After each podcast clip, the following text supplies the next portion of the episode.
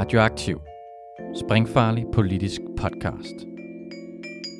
Følg os, like os, del os, læn dig tilbage og nyd en frisk blandet cocktail af skarpe vinkler, dybtegående analyser og farlige debatter. Ja, velkommen tilbage til Katalysator, Radioaktivs politikpodcast. Jeg hedder Janus Rønbak. I studiet der har jeg Silas Marker. Han er øh, uddannet i filosofi. Hvad laver du egentlig lige for tiden? Jamen, jeg er forsker og skriver lidt. Ja, og du har blandt andet skrevet den her bog sammen med Vincent Hendricks, som også er øh, forsker på øh, Københavns Universitet, ikke? Jo.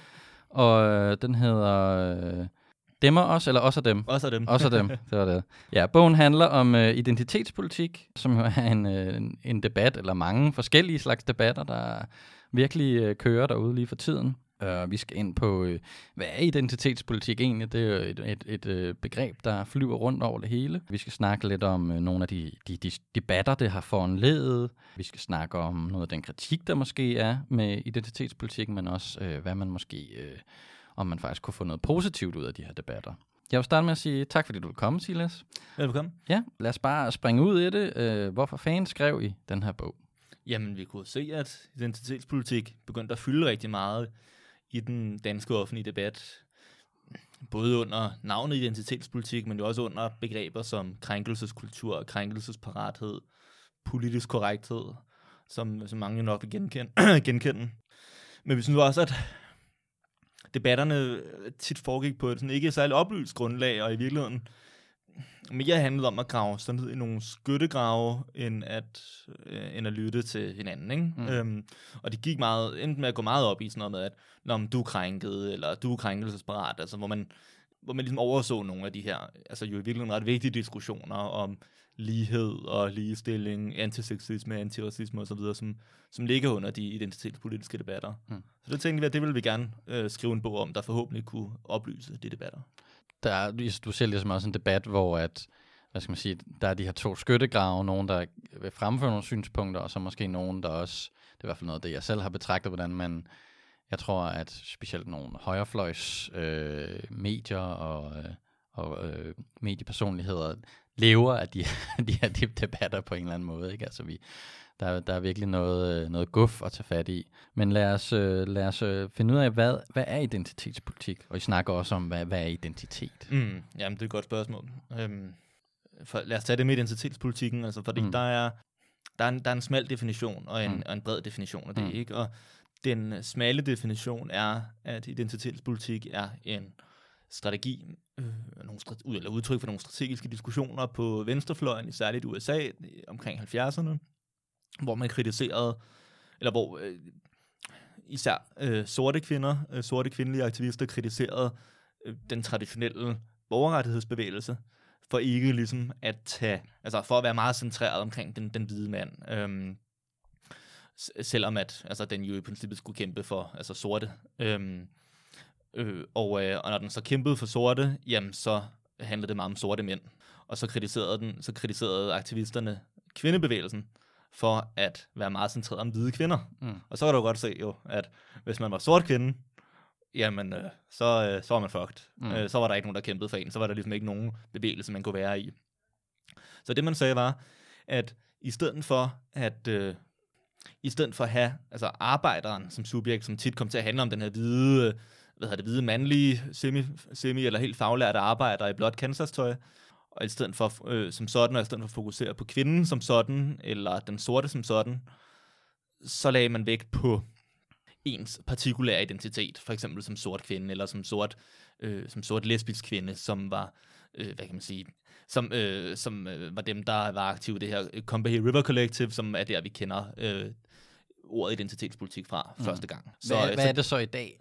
Ja, det er, jo- det er, altså, og, det er jo, og det er jo måske noget af det, man kan se i dag, at, at identitetspolitik tit handler om minoriteter, ikke? Mm. Altså, at det tit handler om, hvad hedder det, uh, LGBT-personer, eller, eller sorte, eller sådan, ikke? Altså, som, uh, som siger, at uh, vi vil gerne anerkendes, eller vi vil gerne repræsentere os. Uh, vi, vil vi kæmper mod, vi oplever en specifik form for undertrykkelse, ja, som vi oplever på grund af vores øh, sådan, position i den sociale orden, ikke? Men det er jo ligesom den smalle, det, det er den smalle definition af det. Det er, det en, der er det en specifik venstreorienteret ting, øh, og handler tit om minoriteter.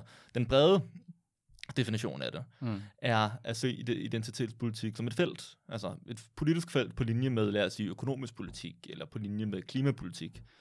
Øh, men hvor økonomisk politik tager udgangspunkt i økonomi, ikke? og mm. øh, klimapolitik tager udgangspunkt i klima, jamen, så tager identitetspolitik udgangspunkt i identitet. Og øh, det betyder, at identitetspolitikken, ifølge den her definition, både kan være venstreorienteret og højreorienteret. Altså, der er identitetspolitik ikke bare antiracisme øh, eller feministiske positioner mere. Det kunne også være nationalisme, for eksempel. Ikke? Mm. Eller, altså, hvad, fordi hvad er, andet, hvad er det andet end en for, et forsvar og en, sådan en uh, affirmation af en, uh, en særlig national identitet? Ikke? Altså, hvorfor skulle det ikke også kunne være identitetspolitik? Kunne Så man, man kan både sige, at der er ligesom en konkret historisk position, mm. hvorfra identitetspolitikken ligesom udsprang eller blev formuleret. Mm. Og det var ligesom den her øh, kamp for repræsentation i en eller anden forstand. Ja, men jo også altså mod, altså, mod en konkret undertrykkelse, de oplevede. Mm. Ikke? Mm. Ja. Øh, men man kan også sige, at der findes en form for identitetspolitik, som, som ikke er blevet formuleret som identitetspolitik, mm. men som er den højreorienterede, altså når vi for eksempel forsøger at definere, hvad danskhed er, og det nationale fællesskab og sådan noget. Ja, lige præcis. Eller du kan se sådan noget som populisme for eksempel, ikke? Øh, som der er flere og flere forskning, der begynder at associere med identitetspolitik, men som man heller ikke, altså, som man heller ikke traditionelt i hvert fald har tænkt som en identitetspolitik. Det kan man jo se som en identitetspolitik for folket. Altså en skabelse af sådan en særlig folkelig identitet mm. imod, øh, imod en, en elite, en reelt eller påstået. Og det er noget af det, jeg og arbejder med nu, mm. apropos dit, dit spørgsmål før, ikke, om hvad ja. jeg laver. Det er at se den her, fokusere på den her sådan, skabelse af en sådan, folkelig identitet. Så ja, der kan være identitetspolitik over det hele, kan man sige. Ja, jeg, jeg har hørt nogen argumentere for, at, at alt er identitetspolitik. Altså, og jeg, jeg er lidt i tvivl om, hvad, hvad, hvad, hvad, hvad man mener med det. Øh, til dels forekommer det mig, hvis det skulle være tilfældet. Altså, det, det som jeg forstår som argumentet, det er, jamen, alting tager udgangspunkt i din identitet. Jamen, hvis det er øh, klassekamp, jamen, så tager man udgangspunkt i arbejderidentiteten. Og hvis du er Dansk Folkeparti, og så tager du udgangspunkt i danskhedsidentitet. Øh, identitet.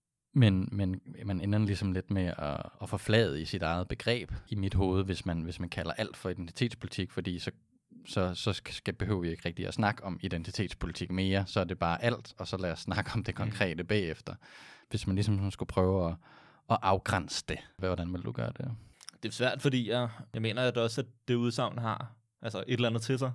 Jeg er enig i, at hvis man bare siger, alt politik er identitetspolitik, og stopper der, altså, hvis du siger, at alting er det samme, ikke? hvis man bare siger, du ved, som, hvad er som Hegel sagde, ikke? altså det, det sande er det hele, ikke? Og, og, sådan, og stopper den der, så er det rigtigt nok, det, det kan være svært at bruge til så meget, fordi hvis alting bare er alting, så, ja. så, så man ikke lave nogen distinktioner. Det, det med, så, så, så, så, så forsvinder distinktionen, ja, og så, så bliver det ikke altså, et ved, det ligesom, brugbart begreb. Det, det, det, det, er ligesom, det er ligesom sådan at sige, det hele hænger jo sammen. Altså, mm. det, det er sandt, det hele hænger sammen, men mm. så, så er det også altså, svært. Så, men når jeg alligevel siger, at det har noget på sig, så øh, tror jeg, man kan forstå det på den måde, eller man kan lave en stærk variant af det i hvert fald, mm. af det udsagn, ikke? Og, siger, ved at sige, at ja, okay, måske er alt ikke identitetspolitik, men rigtig meget politik har et anlæggende med identitet, mm. eller har en forbindelse, eller en mm. berøringsflade med identitet. Mm-hmm. Altså man kan måske lave en, en analogi til, lad os sige, klimapolitik, ikke? Det er svært at forestille os en klimapolitik, uden en, øh, altså, at man rører ved økonomien for eksempel, uden altså en klimapolitik, der ikke også er en økonomisk politik. I hvert fald, hvis det skal være effektiv, ikke? Altså, hvis det skal, hvis det skal give mening, så skal man også på en eller anden måde have noget med økonomien at gøre. Og sådan kan du jo ved, koble alle mulige ting til økonomi, ikke? Ja. Øhm, altså, øh, sådan så, at, at rigtig mange typer politik, man ellers ikke vil sige, var økonomisk politik direkte, fordi det for eksempel er klima, eller hvad det er, øh, ligestilling, eller sådan, ikke? Så, har det alligevel et eller andet med, med økonomi at gøre. Og det samme tror jeg måske også, man kan sige med identitetspolitik. Altså, hvis, i hvert fald i ordets brede forstand, der, der er der rigtig meget politik, der har, der har eller i hvert fald får et anlæggende med, øhm, med identitetspolitik. Man kan sige, sådan, i hvert fald sådan som jeg har set diskussionen, så har diskussionen tit blevet stillet over for andre kampe, og så ligesom sige, jamen det er også identitetspolitik, mm. det, har, det er ligesom blevet brugt i en intern venstrefløjsdiskussion om at positionere sig i forhold til øh, hvis, man, hvis nogen har kritiseret for eksempel identitetspolitik, jamen, så siger det du laver er også identitetspolitik, og så har man ligesom fjernet debatten. Altså så har man simpelthen sagt, jamen din, det du laver er også identitetspolitik, derfor kan du ikke kritisere det, jeg laver for at være identitetspolitik. Det, det har været sådan lidt en, en, en fjollet diskussion, men, men grund til at jeg også synes, og det er måske der, vi lige skal øh, tage et, et, et spadestik dybere, det er, at sådan som jeg har, har tænkt det i hvert fald, det er, at, at for eksempel øh, feminisme eller antiracisme, øh, Øh, ikke nødvendigvis var identitetspolitik. Fordi at på et eller andet punkt, så handler det meget om den øh, hvad skal man sige, filosofiske baggrund, som identitetspolitikken den måde, den udfolder sig på, har den en, en bestemt, øh, et bestemt verdenssyn på en eller anden måde, som bunder i nogle filosofiske diskussioner. For eksempel, hvis man tager klassekamp, lad os bare tage den allerede nu, altså det er, sådan som jeg ser klassekamps, øh, og, og sådan som jeg ser arbejder, så er det rigtigt nok, som du siger, der foregår en eller anden form for arbejde og identitet, så på den måde har det noget med identitetspolitik at gøre. Men hvis man kigger på, hvad det er for en, øh, hvad det er for en måde at tænke det på, god gamle Marx, han vil sige, jamen, der findes nogle materielle forhold. De materielle forhold, det, det betyder, at du er arbejder, uanset hvad du identificerer dig som. Så er du en arbejder. Og det, som del af klassekampen går ud på, det er at skabe klassebevidsthed. Altså mm. det vil sige at skabe bevidsthed blandt arbejdere, at du er en arbejder. Du indtager den her materielle position i samfundet, og derfor har du den her din materielle position gør, at du, du vil have lyst til at omvælte kapitalismen, så at sige. Ikke? Meget simpelt sagt.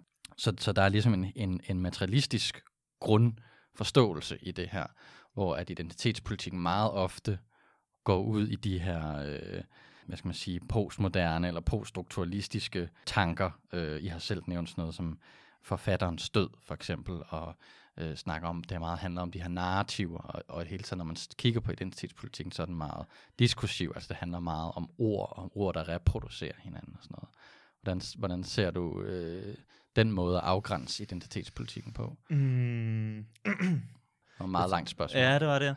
Jeg tror, øh, det gode ved den klassiske sådan, marxistiske forståelse af klasser, hvis man kan tale om sådan en, og det bliver jo også et karikeret, men uh, det er jo, at det er en, en objektiv analyse. Ikke? Øh, så du siger materielle forhold og sådan. Altså, man kigger på, hvilken, hvordan står du i forhold til produktionsmidlerne? Øh, ejer du dem, eller ejer du dem ikke? Det er rigtigt nok. Det er, det er lige meget, hvad man identificerer sig med sig. Øh, der, det, det kan ligesom ikke rigtig gøre op for, om man ejer dem, eller om man ikke ejer dem. De, ah, der, nej, det er det. De der produktionsmidler der.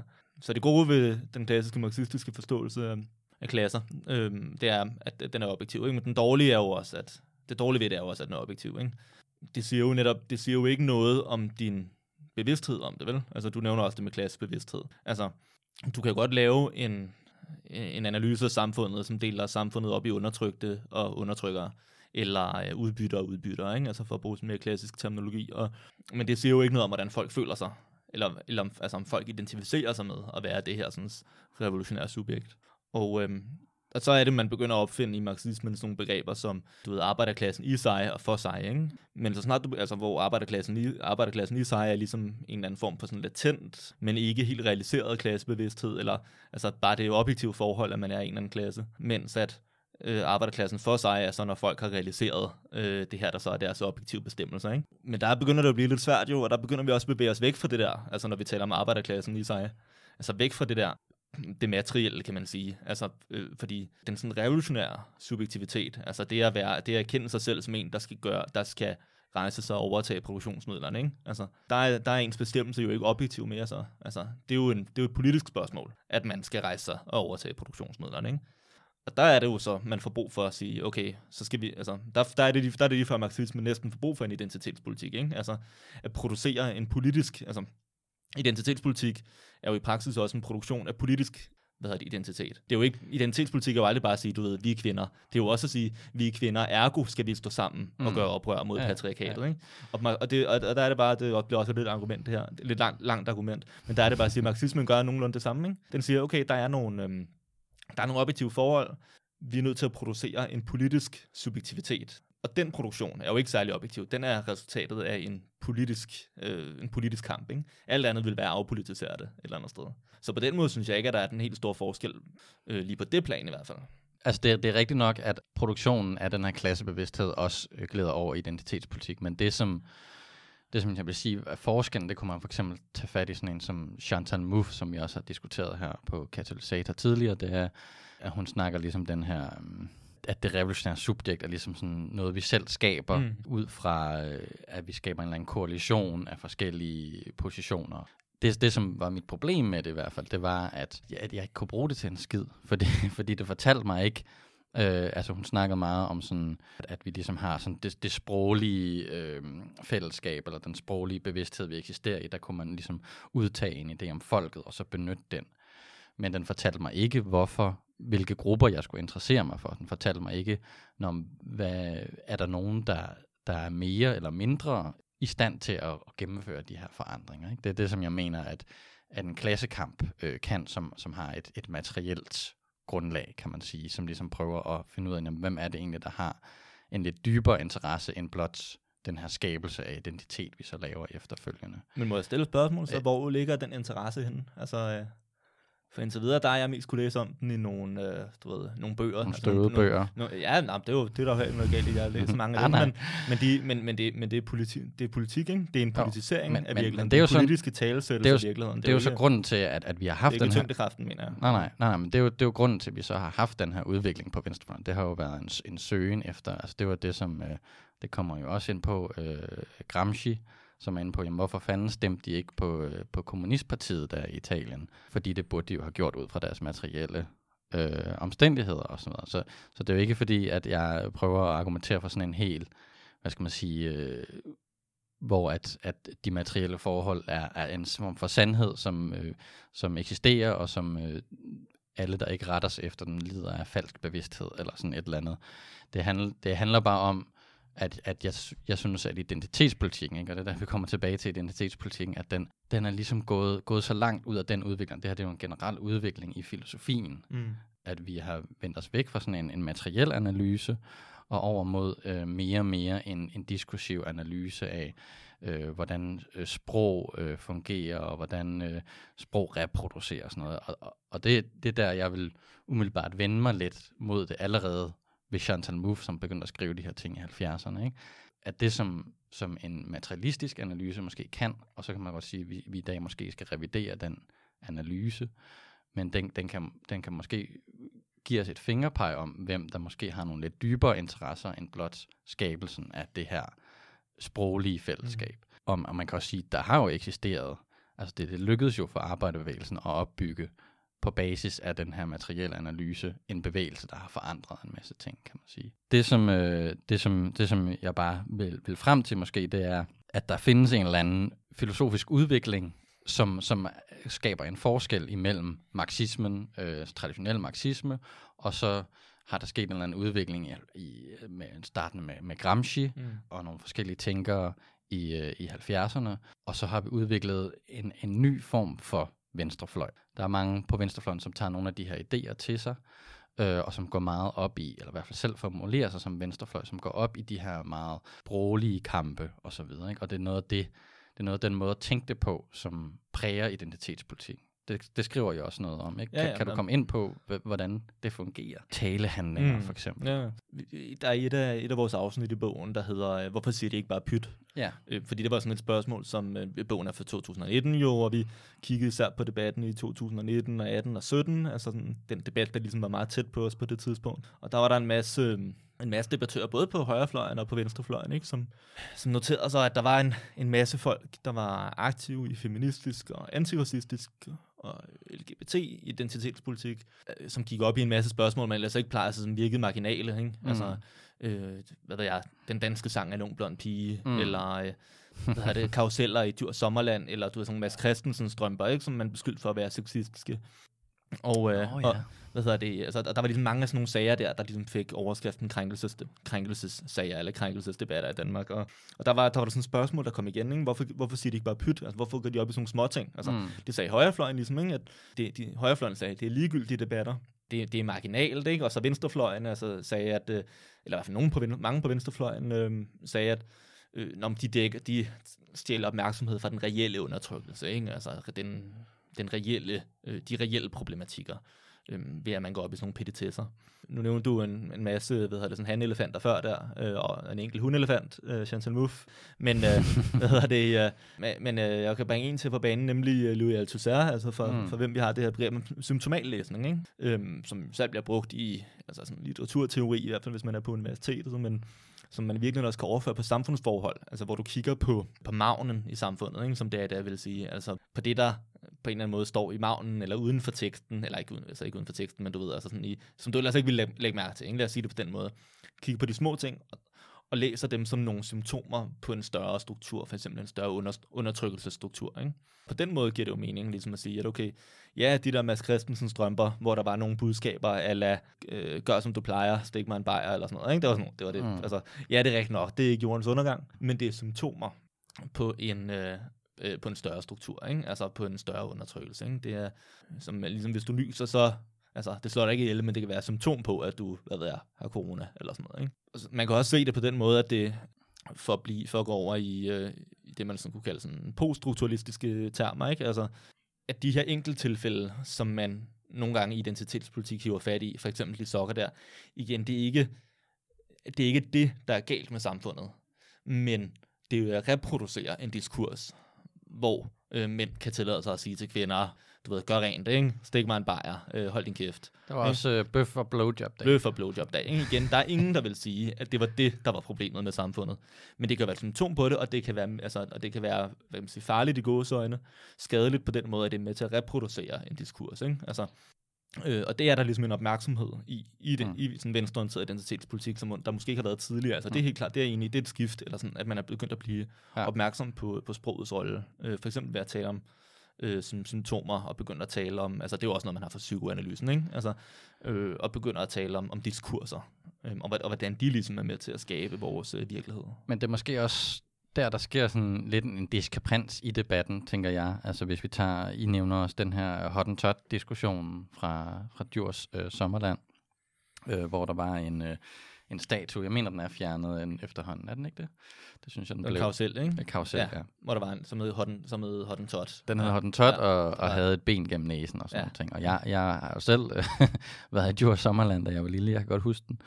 Og der foregik ligesom en debat, som blev startet af nogle øh, kø- øh, københavnske akademikere, som ligesom startede den her debat. De havde set den her Hotten Tot, og kaldte det så ligesom racistisk. Og det resulterede i, øh, at enormt mange hvad jeg vil kalde almindelige mennesker, i, øh, nogen vil kalde dem normis, hvis vi skal bruge noget, noget, noget nyt sprog, som er, er blevet introduceret for nylig, øh, eller arbejderklassen, de følte ligesom, at det her det var et angreb øh, på dem. Ikke? At de blev anklaget for at være racistisk, fordi de har ofte taget i den her Djurs Sommerlandspark, og de har set den her, de har, de har aldrig tænkt noget racistisk omkring det. Og det førte så til ligesom sådan en, en underlig by-land-debat, en øh, øh, arbejderklasse, øh, akademikere mod hinanden, racister, øh, antiracister mod hinanden, debat. Hvordan, hvordan kigger du på sådan en, en debat? Altså... Mm. Jeg, jeg, jeg så den slet ikke som sådan en akademiker øh, mod ikke-akademiker debat, også fordi dem der, nu siger du, det var nogle akademikere i København, øh, det var i hvert fald nogle øhm, øh, hvad sådan, afrodanskere, der, der, der tog det op. Ikke? Det var den der, hvad hedder det, øh, Afro-empowerment, øh, jeg, kan, jeg kan faktisk ikke huske, hvad det hedder nu, øh, men altså en organisation for, en antiracistisk organisation ikke, for sorte, øh, der, der tog det op. Og, øh, og så kritiserede øh, ja, den her, hvad hedder det, Djurs Sommerland, øh, forløselse der, Afrikaland og Hottentot-karusellen her. Ikke? Mm-hmm. Og, øh, og det man kan sige, at det de gjorde var, at de kæmpede ligesom sådan for, for deres interesser. Ikke? Altså de var trætte af, at de her sådan lidt stereotype forestillinger om, at så, altså, for, eller sådan, fremstillinger af sorte som primitive, som kannibaler, øh, som øh, nogen, der lever i bushen og spiser mennesker, øh, hvad det nu kunne være. Ja. Og, øh, og det sagde de jo så fra overfor, ikke? Mm-hmm. Altså, og, og, og så jo med udgangspunkt i den øh, filosofi, jeg lige nævnte, nævnte nogle overskrifter fra før. Altså, jeg ved ikke, om de, de sidder vil vedkende sådan, men det, det er ligesom sådan, jeg symptomat læser det, eller det er min analyse af det, ikke? At ja. det, det baserer sig på den filosofi, nemlig med, øh, altså, at diskurser bliver reproduceret gennem gennem sådan nogle, gennem, også i det små, ikke? altså gennem de her øh, sådan, øh, talehandlinger, kan man sige. Men det er måske der, hvor, hvor fejlen sker på en eller anden okay. måde, altså, tænker jeg. Altså ja. fordi, at, at, at du møder nogle mennesker, som ikke har gået på universitetet, og som ikke øh, kender øh, til symptomallæsning, mm. øh, og som ikke øh, bare ser det her som en fjollet statue, der har stået der i, i nogle år, og altså, godt ved, at den er fjollet men som så føler, at der er nogen, der kommer, og, øh, og, og om, om det var akademikere, der startede det, eller ej, det blev i hvert fald en del af diskussionen, at det var nogle øh, øh, københavner-akademikere, der, øh, der kom og slog nogle øh, jyder i hovedet. Mm. Hvordan, hvordan kommer vi ligesom ud over den, fordi det er ligesom, det, det er tit den øh, ting, vi, vi falder ned i på en eller anden måde. Ikke? At, at, at, det, at det bliver sådan en by-land-diskussion, for eksempel. Det nævner jeg også i bogen, ikke? Jo, øh. men ja, ja. Det, jeg, jeg er med på, at nogle af de her idéer altså, kan have øh, du ved, sådan størst, altså kan vinde størst ind, altså har bedst gro på en, altså i akademiske miljøer indtil videre, mm. ikke? Men, altså, mm.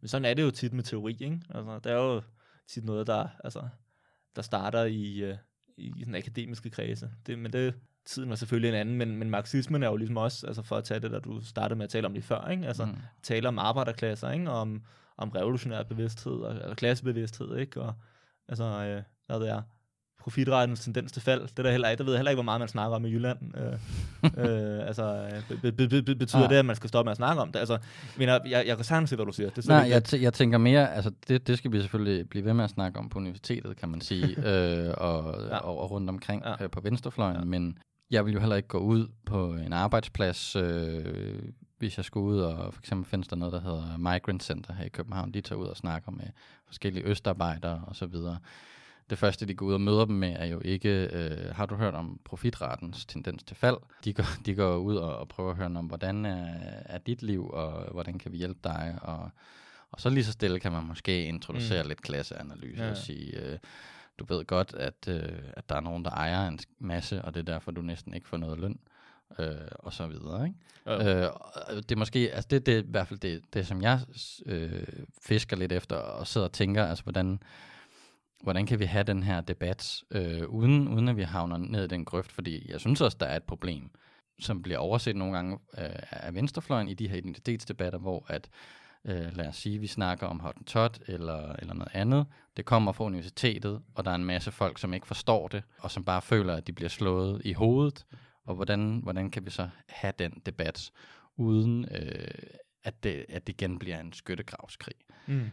Jeg kan godt se, hvad du siger. Og det med profilretten var selvfølgelig også et, et lamt eksempel. Det jeg prøvede at sige var, at, øh, at, øh, at det er et taktisk spørgsmål. Ikke? Altså, mm. hvordan, øh, altså, for ikke at sige et pædagogisk spørgsmål, ikke? altså et kommunikativt spørgsmål, hvordan man, øh, hvordan man kommunikerer på den bedst mulige måde. Mm. Det jeg hørte dig bare sige, var, at det var noget, der begrænsede sig til identitetspolitikken.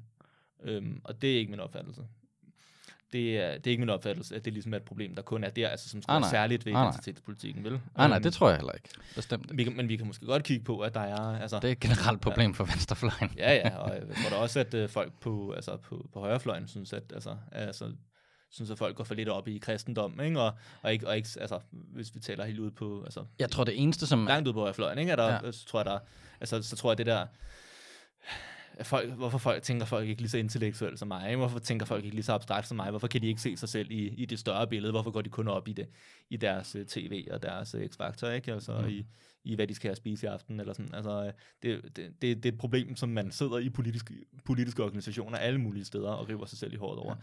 Men må ikke svare på det spørgsmål så, jo, jo. i stedet for at gå i defensiven, ikke? Hele tiden for, på identitetspolitikens vegne. Altså, en måde, man i hvert fald ikke løser de her problemer på, det er, at øh, være rigtig god til at kalde folk racister, for eksempel, ikke? eller mm. sexister, altså, og ligesom at gardere sig i en, i en skyttegrav med, med, øh, med folk, man i forvejen er enige med, og så ligesom, øh, øh, og så ligesom øh, du ved, sådan ret haverisk mener, at alle andre tager fejl, hvis ikke de lige med det samme kan se, altså, hvad man, altså, hvis ikke de lige med det samme er enige med en, ikke? Og, øh, og det, er ikke en, det her er ikke en konkret beskyldning mod, øh, mod nogen, det tror jeg er noget, vi alle sammen kan falde i. Men i hvert fald i øh, nogle diskussioner om, Mm, antiracisme og feminisme, især på sociale medier jo, altså hvor tingene også, altså hvor bølgerne nogle gange går højt, jamen der synes jeg godt nogle gange, at der kan være, altså at, du ved, racismebeskyldningerne kan sidde lidt løst, ikke? Eller øh, lad os sige, øh, du ved, sådan et øh, Google er din ven, ikke? Altså, jeg skal, det er ikke mit job at uddanne dig, Google er din ven.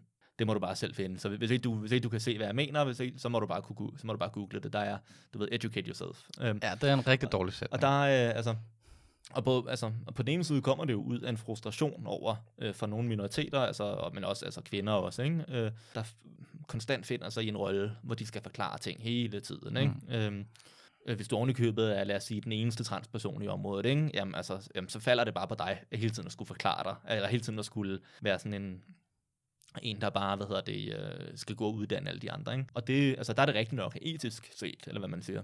Så kan man ikke pålægge nogen enkelt, så er der ikke nogen enkelt person, der har pligt til at uddanne andre. Det kan man ikke. Det er der ikke nogen, der kan kræve af nogen andre. At, øh, jeg, kan, jeg kan ikke kræve af dig, at du skal uddanne mig. eller du skal, du skal forklare det til mig. Det, det kan jeg ikke kræve. Men taktisk set, så er det rigtig smart, hvis man, øh, du ved, som, øh, som Lenin sagde, øh, tålmodigt agiterer og forklarer, var ikke det? Øh, jeg tænker nogle gange på, hvis den traditionelle arbejderbevægelse havde sagt, ja, Google er din ven, havde de nok ikke sagt, men du ved, øh, øh, Biblioteket. biblioteket er din ven. altså, så var de måske ikke kommet så langt med, øh, med alt, det, som, øh, alt det, de har opnået. Ikke? Altså, taktisk, taktisk er det rigtig smart at lægge en masse kræfter i at, i at agitere og tålmodigt forklare, eller uddanne, hvis man vil bruge det udtryk. Ikke? Men, Mm. øhm, men, men det er klart, etisk kan man selvfølgelig ikke kræve det af nogen. Men det er der, hvor altså, jeg, jeg jeg for, har fuld forståelse for, at det kan være frustrerende for folk, der er i de her positioner. Ikke? Og, og, og, og dem skal vi hjælpe og, og lytte til og sådan noget, som venstrefløjser. Men hvis... Og det, det er måske der, hvor jeg ser, at identitetspolitikken falder lidt i nogle huller, ikke? At det, også i forhold til den der hottentot-debat og sådan noget, at det bliver sådan noget, om hvis du ikke forstod, at hottentotten var racistisk, Mm. så educate yourself. Og det, det, det, det kommer mig bare ikke langt med. Og, og det er måske der, hvor jeg ser, at identitetspolitikken ikke gør det, som arbejderbevægelsen for eksempel gjorde. Og det, det synes jeg er ærgerligt, fordi at, øh, at den har nogle pointer. Men, men hvis man så skal sige, altså, hvordan man måske også, det sidder lidt for løst, det der med at sige racist og sådan noget.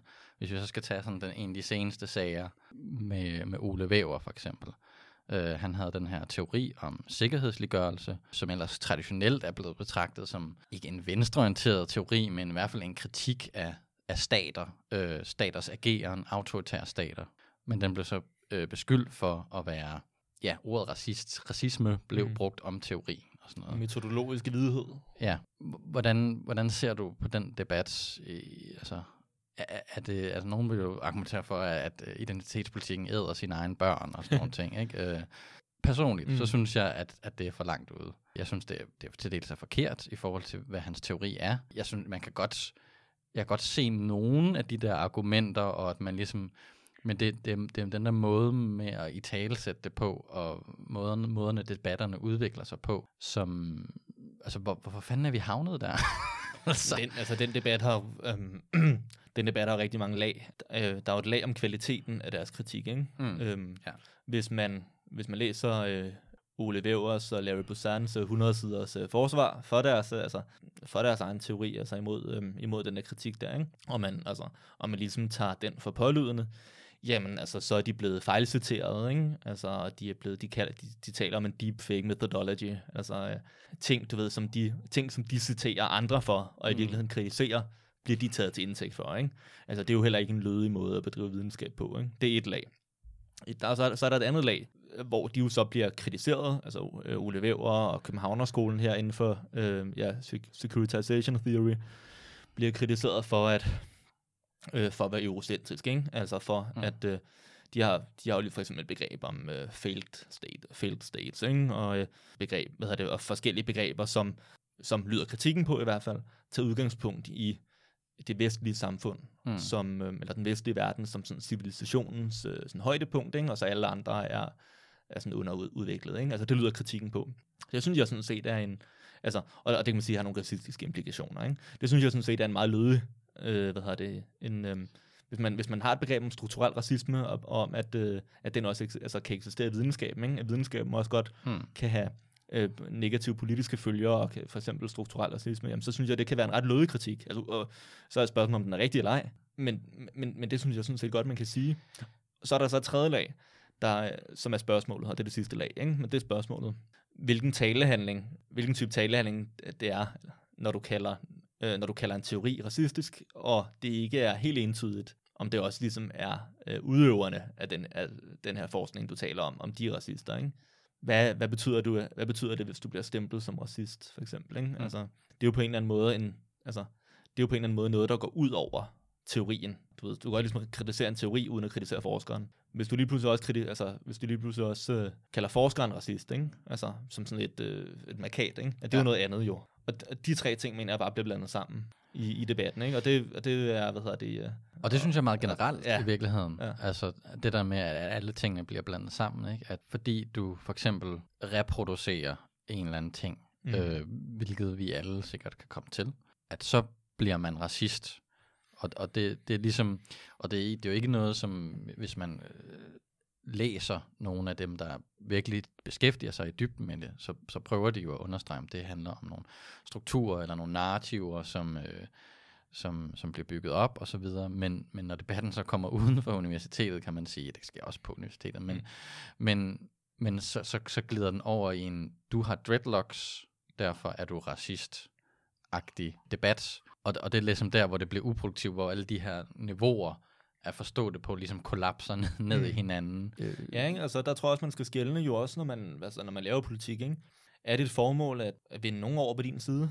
Mm. Eller er det at øh, udskamme dem, eller udpege dem som fjender? Ikke? Og der er det klart, der, det gør det, altså. Det første gør du i hvert fald ikke ved at kalde folk racister. Altså, især ikke, hvis det er bare fordi, de har dreadlocks, ikke? Det, det, er, en, det er en dårlig taktik. Altså. Derfor, at du, man kan selvfølgelig godt stå fast på, at det er rigtigt udsagnet er, øh, at det er et rigtigt udsagn, ikke? Men det, betyder bare ikke, altså selv hvis det skulle være rigtigt, at det ligesom gavner din sag. Mm. Øhm, men, øh, men det var, også, det var også nemt nok for, for to hvide gutter at sidde og sige, ikke? Men, øh, men det er i hvert fald bare en betragtning. Ja, ja, og nu sidder vi to hvide gutter og har det nemt med at snakke om det og sådan noget, og det, det er jo fair nok, at nogen kan have det sværere med det. Øh, men jeg tror også, det er nødvendigt at have den her sådan lidt mere taktiske diskussion af det. Og nu, det er ikke fordi det hele skal handle om at kritisere identitetspolitik, men I fremfører også en kritik af identitetspolitikken omkring det her gruppetænkning. Mm. Kan, du, kan du uddybe det? Øh, og måske også bare samtidig med, at I har også fat i de her uh, Combahee River Collective, hvor at, uh, I snak, altså, de kritiserer for eksempel den her partikularisme, og siger, at der er en universalisme i identitetspolitikken. Og jeg har tit tænkt, jamen, identitetspolitikken er netop partikularistisk. Hvordan er den, kan den også være universel? Og det var to uh, store spørgsmål. Ja, det var to store spørgsmål. Tag dem uh, en af gangen. Ja. Øh, gru- gruppeproblemet, ikke? Det, eller det vi kalder gruppeproblemet i vores bog. Mm. Det starter med, at det mest sådan, grundlæggende identitetspolitiske træk, det er at skabe et vi på baggrund af en identitet. Ikke?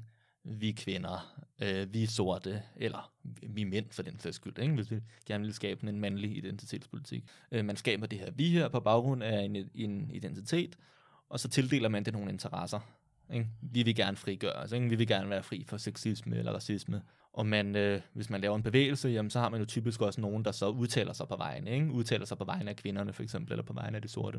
Det er jo træk, kan man sige, der har, altså, altså der jo er øh, fornuftigt og forståeligt, kan man sige. Det har kvindernes stemmeret var, altså kom jo ikke på grund af en, altså mændene, du ved, havde indsigt i en universel fornuft, og, og tog de der, altså, og Nej. tog oplysningstidens erklæringer, altså om, univers, altså om, om mennesket som sådan alvorligt, vel? Altså det var fordi kvinderne sagde, vi er kvinder, og vi vil have stemmeret, ikke? Mm. Altså, altså, så det er jo sådan set fornuftigt nok.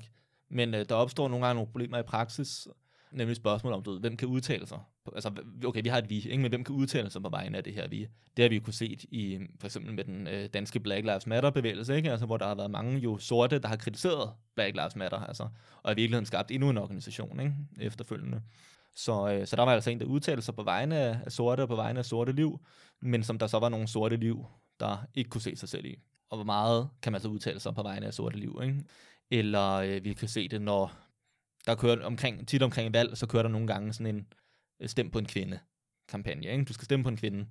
Men jeg har, jeg har en mistanke om, at der er mange af dem, der kører de her kampagner, stem på en kvinde-kampagne, der er ikke, du ved, der er ikke, alligevel ikke helt ligeglade med, hvilken kvinde det er. Ikke? Hvis det nu er Pernille Vermund eller Pia Kærsgaard, man stemmer på. Ej, altså, så det, det, er måske ikke helt, det er måske ikke lige hende så, det er en anden kvinde. Ikke? Det er mere nogle kvinder, vi er enige med, og så handler det lige pludselig om nogle meget, om mange flere ting end identitet. Altså.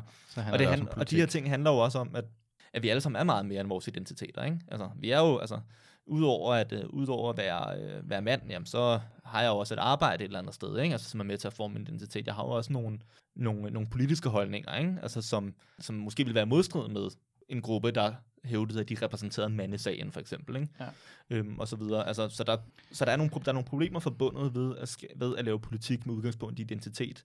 Især, kun med, især hvis man kun fører politik med udgangspunkt i en identitet, ikke? for eksempel mand eller kvinde. Fordi vi ligesom er meget mere end det, og vores interesser, som bredt set, bliver formet af meget mere end vores ja. identitet. Altså, der har jeg også hørt en kritik, for eksempel, af, af det, man tit siger, the black community, for eksempel, mm. i amerikansk politik. Ja, der er jo ikke kun én sort erfaring. Altså, ja, ja. Det er der jo masser af også sorte tænkere, uh, Bell ja. Hooks og Kimberly Crenshaw, og uh, hvad hedder det, alle mulige, der jo har, altså... Jeg tror, jeg har hørt Adolf Reed sige det. Ja. Øh, Altså, men, øh, der er jo ikke kun én sort erfaring, vel? Den er jo Åh, nej. lige så mange folk, ligesom alle os andre, så, det, altså, så der opstår nogle problematikker i at få udgangspunkt, øh, i at få politik med udgangspunkt i den sorte erfaring. Mm. Fordi den er mangfoldig, ligesom alle mulige andre erfaringer. Ja. Ja, og den glemmer andre aspekter. Den kan glemme for eksempel, ja, den kan jo både, øh, det kommer de der øh, Combahee River Collective også ind på, ikke? Altså, når før vi politik for sorte, jamen, så er det sorte mænd, Mm. og så bliver de sorte kvinder glemt.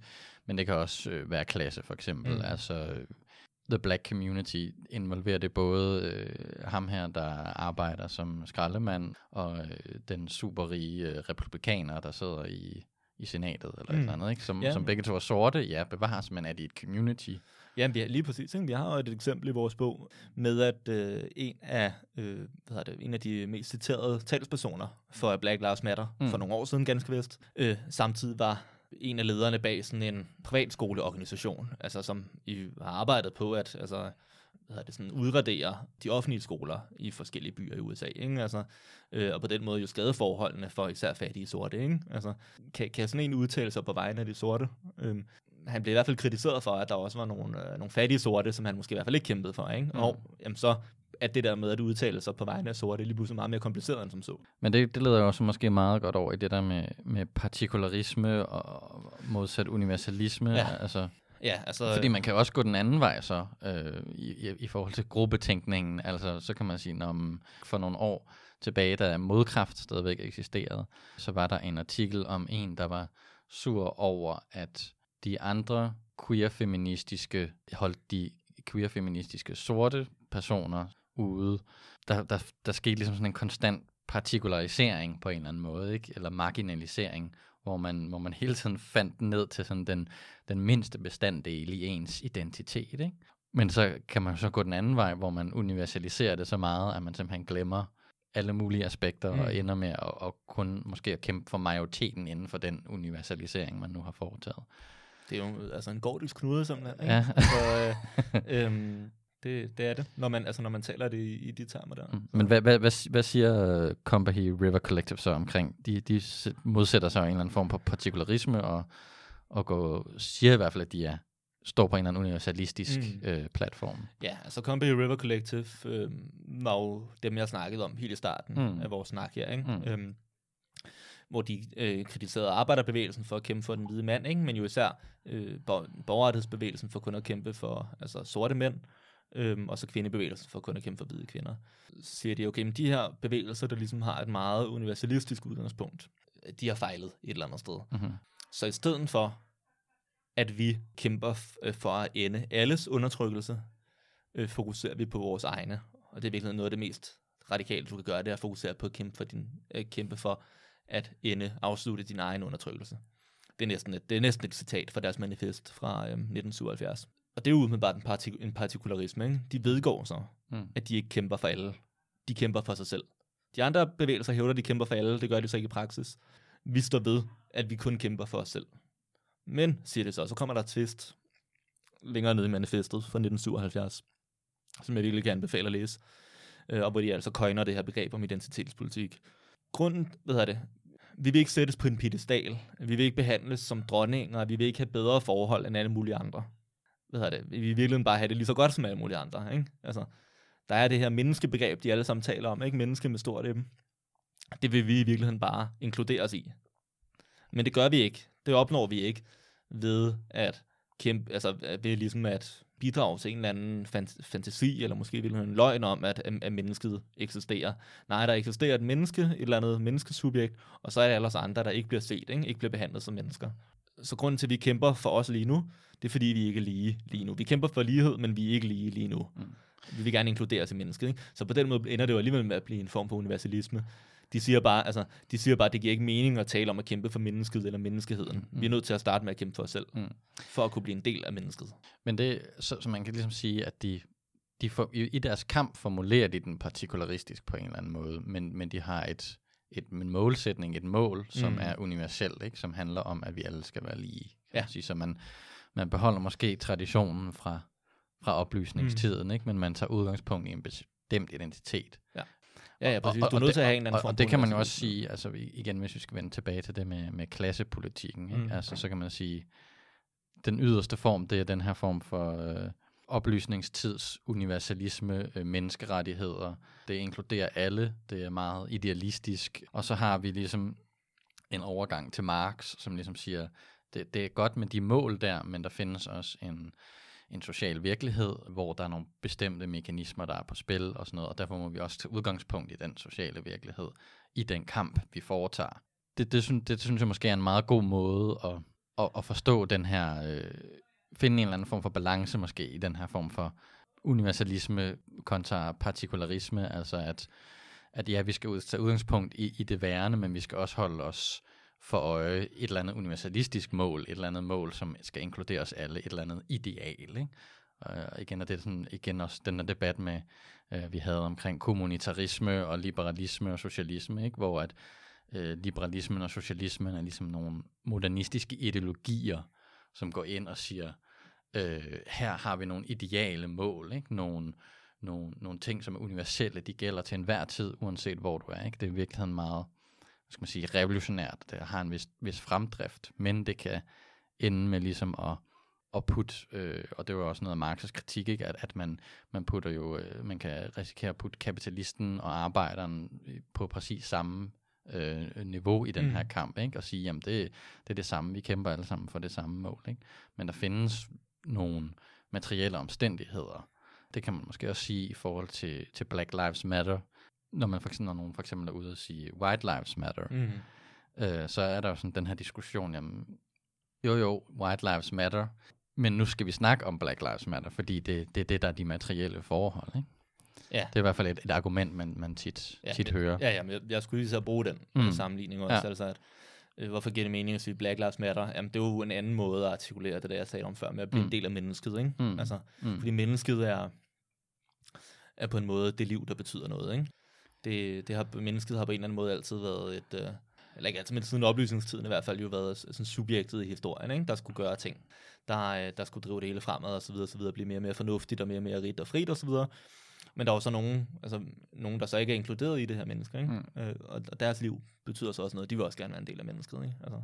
Men, øh, men, men den, den kritik, du sagde, du nævnte før med, øh, at arbejderne og kapitalisten kan, øh, kan, stå på samme, kan ende med at stå på samme side, ikke? Altså det, det mener jeg er helt klart er en kritik, der, eller en fare, der ligger Altså selvfølgelig, hvis man er, altså, hvis man er marxist, ikke? Altså, så, så er det helt oplagt at kritisere øh, meget identitetspolitik for altså, at have indbygget den fare der. Det, altså kvæg det der eksempel, jeg nævnte før med, med Black Lives Matter, der så også kan have, ja lad os sige, kapitalister, øh, sorte kapitalister blandt sig, ikke? Mm. Altså, øh, endda, endda, i, endda på ledelsesplan, ikke? Men, men så lad os hoppe over i, i den del, før vi lige hopper over i den del, så vil jeg lige høre, I, I kommer nemlig også ind på, øh, på socialklasser som I nævner som en mm. identitetspolitisk kategori. Ja.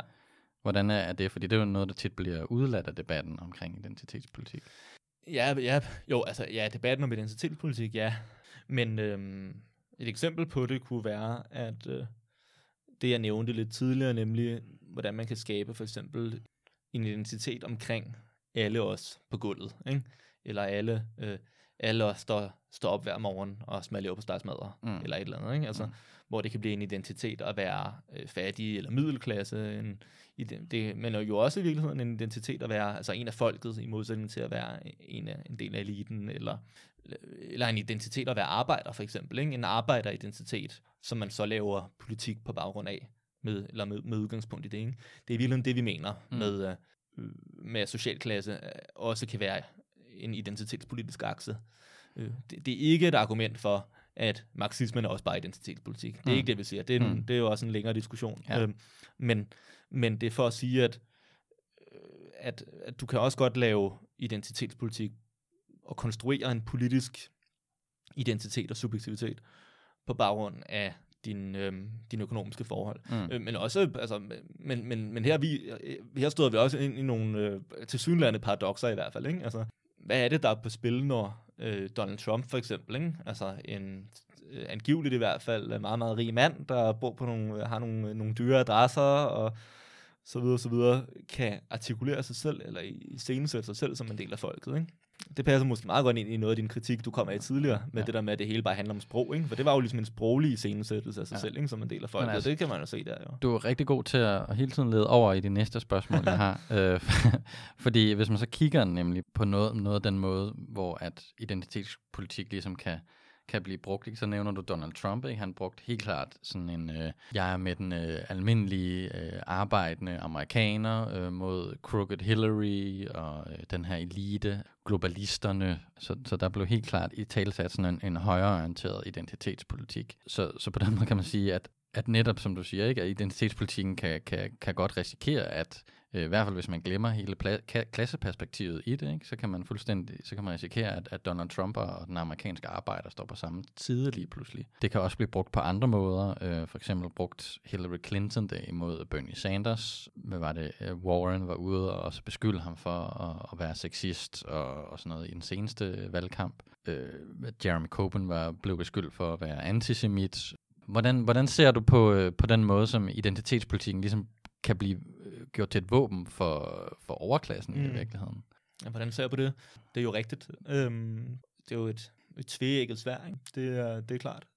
Du har jo ret. I, ja, men, men er, det, er, det fordi, øh, er det fordi klasseanalysen ligesom, altså igen, hvis man skal kigge på den sådan sprede øh, filosofiske erkendelsesudvikling, måde, måde at tænke på, ikke, så, så har øh, klassekampen og sådan den materialistiske analyse ligesom mm. lidt et knæk, og vi har så fået øh, analyser, specielt på universiteterne, som er, er mindre funderet i sådan materialistisk klasseanalyse, men, øh, men til gengæld øh, beskæftiger sig rigtig meget med sprog og med mm. symboler.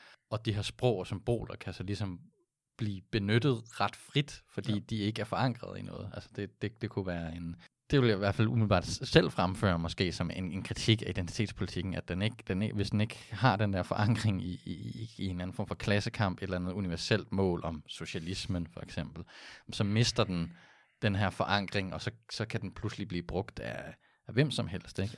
Så lad mig, lad mig sige to ting til det så. Mm. Øhm, for det første, så er jeg i hvert fald ikke af den, øh, jeg ikke af den filosofiske overbevisning, at symboler og sprog ikke er forankret i noget. Øhm, symboler og sprog er også virkelige. En social mm. konstruktion er også virkelig. Mm. Øhm, der kan godt være en tendens til nogle gange, du ved, at sige, at det er også bare en social konstruktion, ikke? Altså, mm. øh, og så er det mm. dårligt. Eller så, eller så findes så det findes ikke. det Så findes det. Nej, det, det gør det. Ja, ja. Øh, det, er, det, det er lige så virkelig som alt muligt andet. Og det, det kan også godt være, at jeg ikke, altså, at jeg så ikke er materialist, eller sådan, hvis, øh, hvis jeg siger det. Men det mener jeg altså.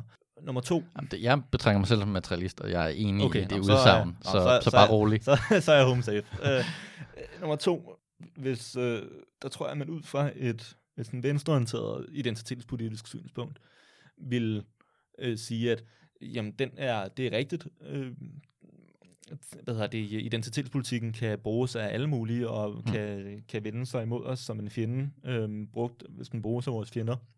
Men er der ikke lidt en parallel til det, og så, eller mellem det, og så til, åh, lad os sige, at øh, der har siddet en kapitalist, og så du ved, kigget på arbejdernes materielle forhold og deres øh, interesser osv., og, og så sagt til nogle af, øh, hvad hedder det, nogle af de øh, mest øh, hvad hedder det, højt råbende øh, blandt arbejderne på den her arbejdsplads, at hey, øh, du er sgu klog at høre på, kunne du ikke godt tænke dig at få, den, få en plads i bestyrelsen?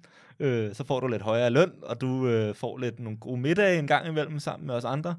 Men øhm, så, så, så lige lidt ro på med det der øh, organisering, og det der, altså vi må kunne tale om det inde, inde i forhandlingslokalet, ikke?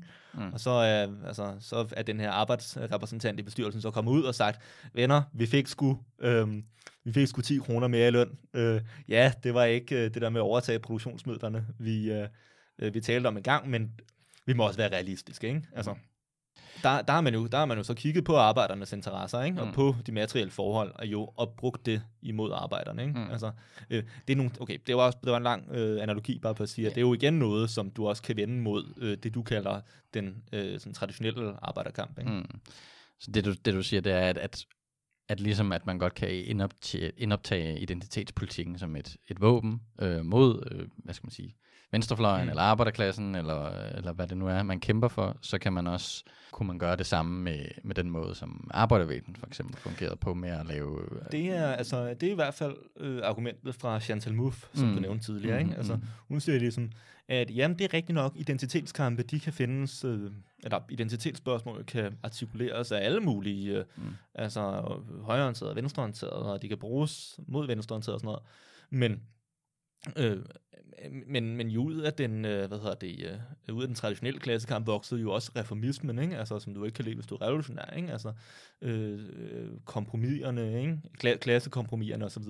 Altså, kapitalismen har været rigtig god til at indoptage, ligesom den har været god til at indoptage øh, sådan identitetskampe, identitetsspørgsmål, har den jo også været god til at indoptage øh, den traditionelle arbejderklasse, den traditionelle arbejderbevægelse, ikke? Mm. Altså, inkorporere dem i et system, øhm, og på og på sådan en øh, sådan, hvad sådan noget, differenslogisk måde, ikke? altså fået skabt den øh, idé om, at når vi kan vel sidde, og selv det der med merværdien, og det der med produktionsmidlerne, det kan vi sætte os ned og tale om. Ikke? I kan få nogle øh, virksomhedsaktier, ikke? I kan få en plads i bestyrelsen, altså hvor du kun taler på det økonomiske, gode, gamle klasseniveau, ikke? men selv der indoptager arbejderbevægelsen, inkorporerer den i det kapitalistiske system. Så øh, det er, det er den traditionelle arbejderbevægelse heller ikke garderet imod. Ja, mm, jeg vil, jeg vil sige, at der er lidt mere på spil end, end det, fordi at, øh, nu kan jeg for eksempel huske, øh, nu er det et par uger siden, der var øh, øh Pride her i København. Øh, jeg kom gående ned af, øh, øh, hvad hedder det, strøget, og, og så var der et stort skilt, øh, hvor der står Nasdaq, som er det amerikanske øh, aktiehandelssted. Ikke? Og så, står, så er der et stort øh, regnbueflag, og så står der Strength in Diversity. Ikke? Og hvis man kigger for eksempel på de, øh, de konflikter, der har været i USA omkring George Floyd-mordet og sådan noget, ikke? så har man ligesom nogle af, nogle af de ting, nogle af de forandringer, lad os bare kalde det forandringer, der er sket, det er for eksempel, at et øh, firma, der producerer sirup, tror jeg det hedder, har ændret deres logo til et andet logo, som så ikke falder i den her sproglige reproduktion, øh, som det så kunne have været anklaget for. Jeg er ikke engang sikker på, at nogen anklagede nogen for det. Øh, men vi har altså så en bevægelse omkring det her George Floyd-mor, øh, som øh, begået politiet omkring, at vi skal have nogle politi, øh, nogle forandringer i, i forhold til, til politiet øh, og, og måden, de agerer på og sådan noget, specielt i forhold til sorte, men også i det hele taget.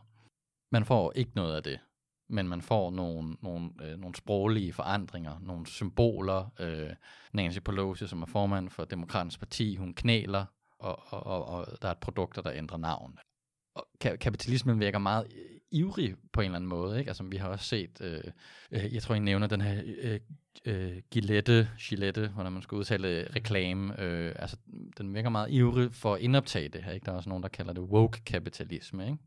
Den, virker meget ivrigt for at indoptage øh, de, den her sprog og den her måde at agere på. Måske fordi, at det er enormt nemt. Øh, altså det, det, er jo en, det er jo en minimal forandring, igen, hvis, jeg, hvis det, materialisten i mig skal komme op, ikke? Jeg er fucking ligeglad med, om den der mm. Mm. hedder Aunt Jemime, ikke? Jeg vil sgu da have en, en substantiel forandring af, hvordan politiet er, er indrettet, eller jeg vil have, øh, altså hvis jeg bor i USA, ikke? eller jeg vil have øh, universal healthcare og sådan noget, ikke? Hvis man også ser mange af dem, der var ude, der har været nogle interviews, hvor de var sådan, hvorfor er du herude? Jamen, jeg er ude på grund af dem, jeg er også ude, fordi Bernie Sanders tabte, og fordi jeg ikke har noget håb for fremtiden og sådan noget. Ikke? Mm. Så, der, så der ligger ligesom os under identitetspolitikken øh, igen. Nu ved jeg godt, at jeg er, er super materialistisk her med at sige, at der er noget basis øh, over for noget overbygning og sådan noget. Ikke? Men, men der ligger ligesom sådan en, der ligger nogle reelle materielle forandringer, som virkelig kunne forbedre nogle liv, som bliver, hvad skal man sige, forvansket ved, at, at man bare får nogle af de her diskursive indrømmelser.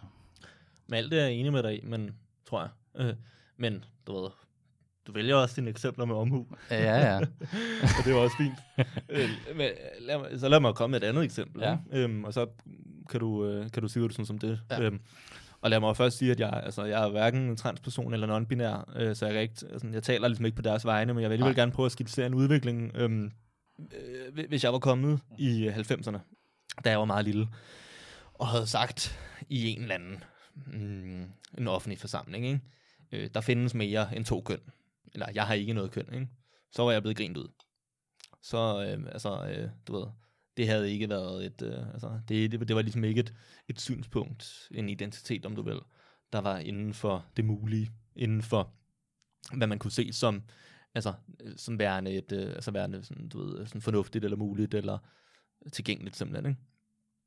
Nu der tror jeg godt, at altså, selvom, vi ikke, øh, selvom vi ikke lever i den bedste af alle verdener nu, jamen så, øh, så er der på en eller anden måde sket, på det, sket noget på det område. Ikke? Altså, selv folk, der er uenige i, at der findes mere end to køn, tager synspunktet alvorligt som noget, der eksisterer. Ikke? Altså som, som noget, der, øh, eller som et synspunkt, der eksisterer. Ikke? Det, det, det er blevet et legitimt synspunkt. Ikke?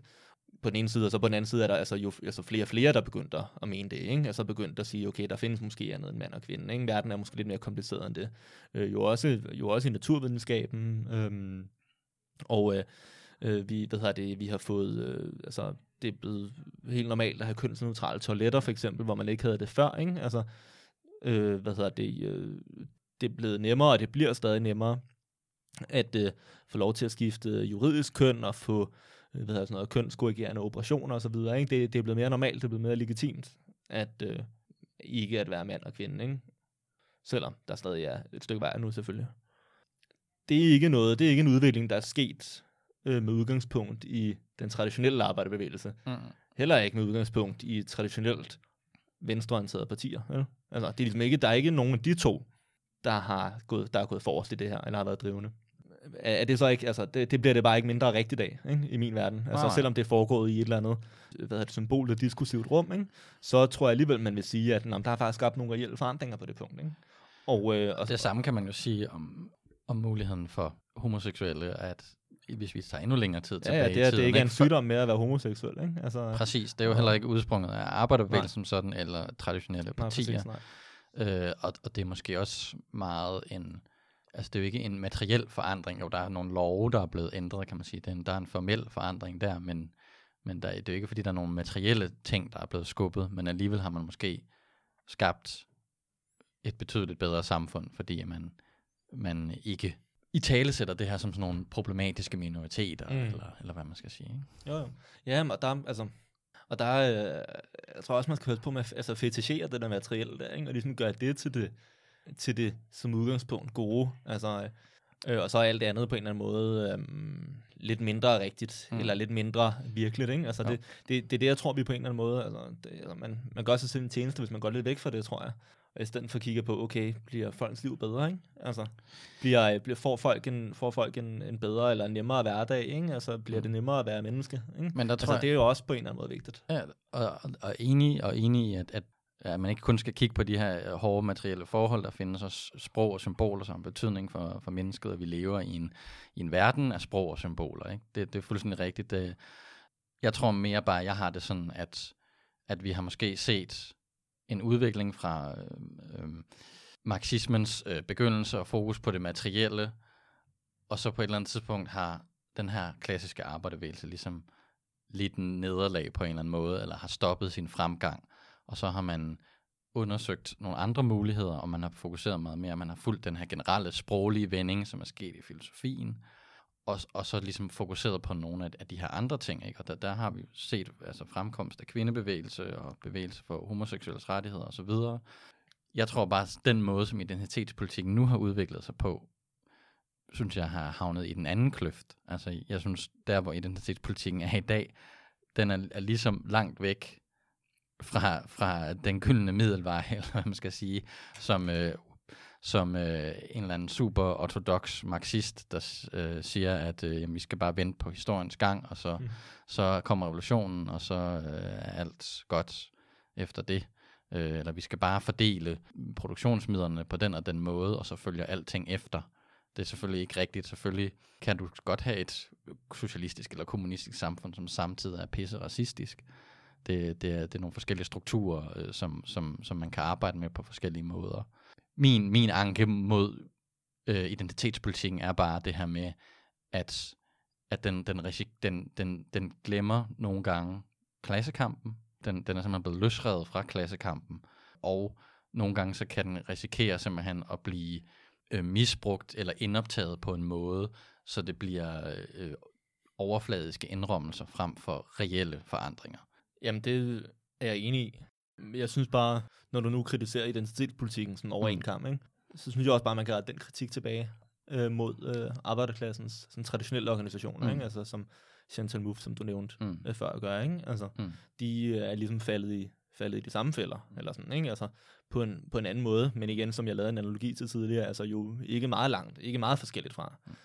Så øh, altså, det, det kommer til udtryk på forskellige måder, men, altså, men løsningen er vel, hvis man gerne vil skabe noget forandring, er ligesom at artikulere de der kampe sammen, at på en eller anden måde anerkende, at identitet også spiller en rolle i politik. Altså. Og, øh, og det, det, og sådan er det bare, jeg havde at sige det. Men det Ja. synes jeg, man kan se, altså igen helt tilbage til, hvis du gerne vil, øh, hvis du gerne vil skabe en, hvis du gerne vil skabe klassebevidsthed, ikke? Altså, så allerede der er, det, altså, er du nødt til at tage udgangspunkt, eller sådan konstruere en eller anden fælles identitet, ikke? et fælles subjekt. Altså. Øhm, og, øh, og så opstår det politiske spørgsmål så om, nå, hvad er det for et subjekt? Ikke? Altså, der, der er det på en eller anden måde lidt for nemt at sige, nå, det er os alle sammen, fordi det har det med så at blive majoriteten, ikke? mens der så er nogle minoriteter, der bliver glemt. I hver, det kan vi i hvert fald se historisk, ikke? og det er i hvert fald venstreorienteret identitetspolitiks kritik. Men okay, hvordan skal vi så konstruere øh, det, her, øh, det her subjekt? Ikke? Og, og det, det er på en eller anden måde en diskussion. Ikke? Det er en diskussion, man skal have på venstrefløjen. Ikke? Som, øh, altså, hvor man så på en eller anden måde bliver nødt til at hvad hedder det, engagere sig i en identitetspolitisk diskussion. Så for at runde af, vi skal diskutere det noget mere.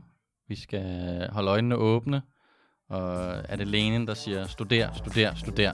Tak for nu. Og håber, I vil lytte med næste gang. Og tak til dig, Silas. Velkommen.